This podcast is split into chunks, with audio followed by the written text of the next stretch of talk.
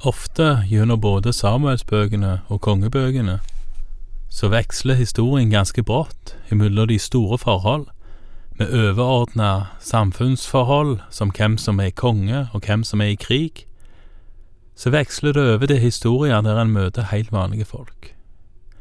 I overgangen mellom kapittel tre og kapittel fire i andre kongebok skjer en sånn en veksel, og vi skal nå møte ei enke etter en av profetdisiplene som er død. Enka kommer til profeten Elisha med ei bønn. Vi leser fra andre kongebok, kapittel fire, vers én. En kvinne som var enke etter en av profetdisiplene, ropte en gang til Elisha. Din tjener som var min mann, er død, og du vet at din tjener fryktet Herren.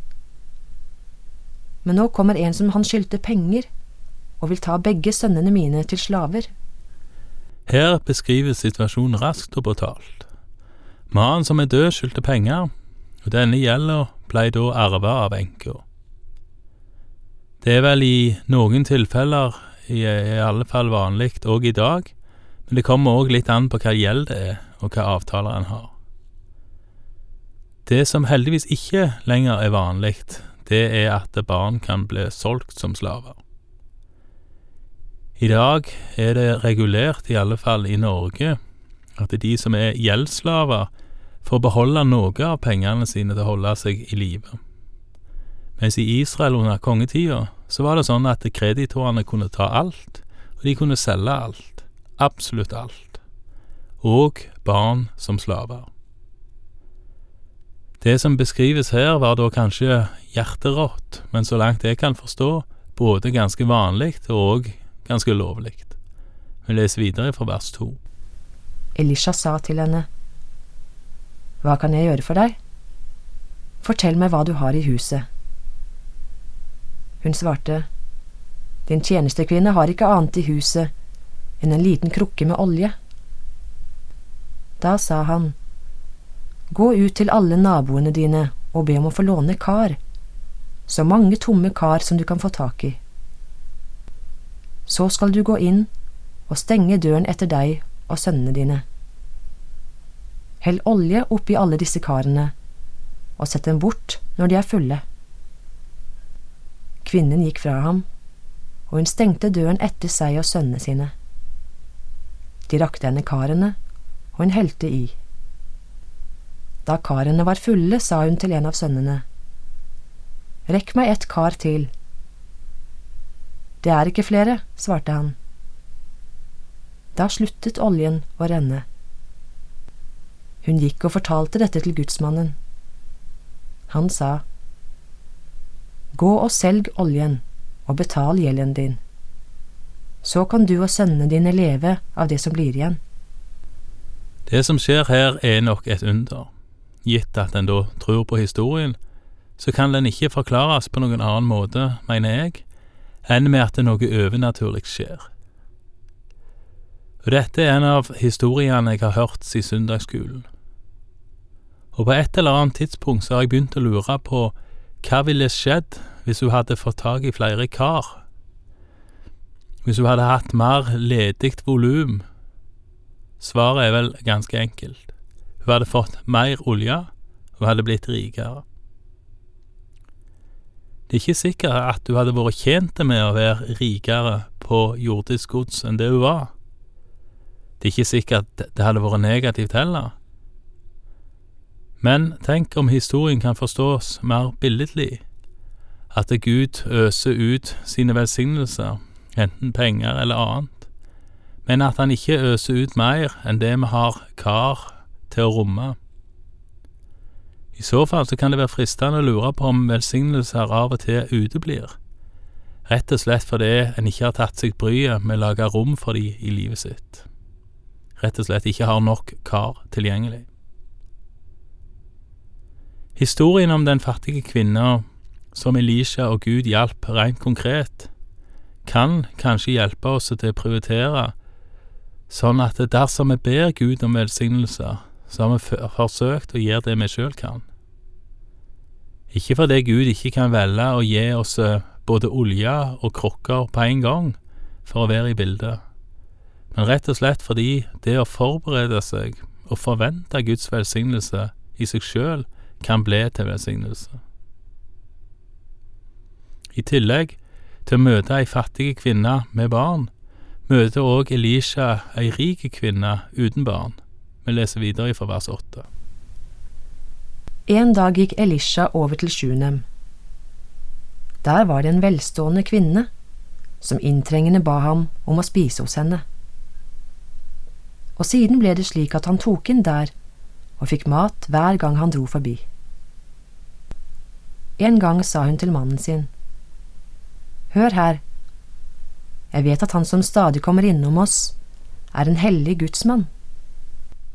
La oss lage et lite takkammer til ham, og sette inn en seng, et bord, en stol og en lysestake.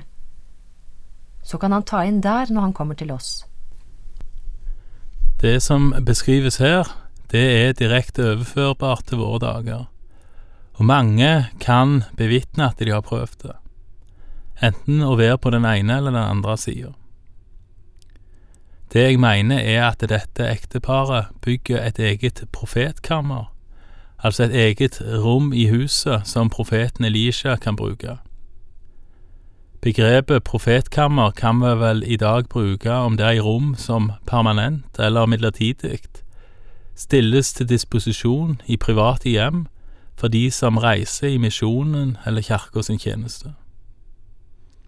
Både for å spare penger på hotell og sånne ting, men òg for å inkludere forkynneren eller hva slags oppgave personen har, i et daglig liv. Sjøl har jeg noen ganger fått vært på et sånt profetkammer, fått ei seng, fått mat og blitt inkludert i menneskers liv når jeg har vært på reise. Noen få ganger har vi òg fått stilt et av våre rom til disposisjon som et sånn profetkammer. Begge deler anbefales på det varmeste. Legg òg gjerne merke til hvor konkret det her beskrives, hva de setter inn. Ei seng, et bord, en stol og en lysestake. Det er for mange av oss svært overkommelig. Hvis en i dag slenger på koden til det trådløse internett og nøkkel til døra, så er en vel i mål. Så dersom du hører på dette og tenker at du har et rom som kan være et sånt profetkammer, enten for permanent eller midlertidig basis, så kanskje det kan være en idé å melde fra om det til den sammenhengen du står i. At det dersom det trengs, så kan du òg huse en profet, eller en gudsmann, eller ei gudsdame. Vi leser videre fra vers 11. En dag profeten kom dit, tok han inn i takkammeret og la seg der. Så sa han til Gehasi, tjeneren sin, Rop på denne Sjunem-kvinnen. Tjeneren ropte på henne, og hun kom bort til ham. Elisha sa til ham, Si til henne, Hør, du har hatt mye bry for vår skyld. Hva kan vi gjøre for deg? Kan vi tale din sak for kongen, eller hærføreren? Men hun svarte, Jeg bor jo midt iblant mitt eget folk. Hva kan jeg da gjøre for henne? spurte profeten. Gehasi svarte, Hun har jo ingen sønn, og mannen hennes er gammel. Da sa Elisha, Rop på henne.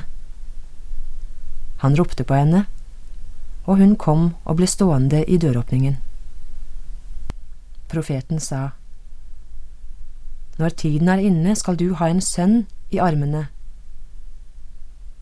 Men hun svarte, Nei, Herre, du som er en gudsmann, må ikke lyve for din tjenestekvinne. Kvinnen ble med barn, og da tiden var inne, fikk hun en sønn, slik Elisha hadde sagt til henne. For denne kvinnen fra Sjunem var velsignelsen over å delta i Guds arbeid med å tilby Elisha et profetkammer, den velsignelsen var veldig stor. Og der skjer et under, så langt jeg kan forstå, og hun, forstår, og hun får en sønn. Det samme kan vel òg sies med den første kvinnen, altså hun med olja. Der er det ikke kvinna sjøl som har bidratt til Guds arbeid, men det er hennes avdøde ektemann som har gjort det.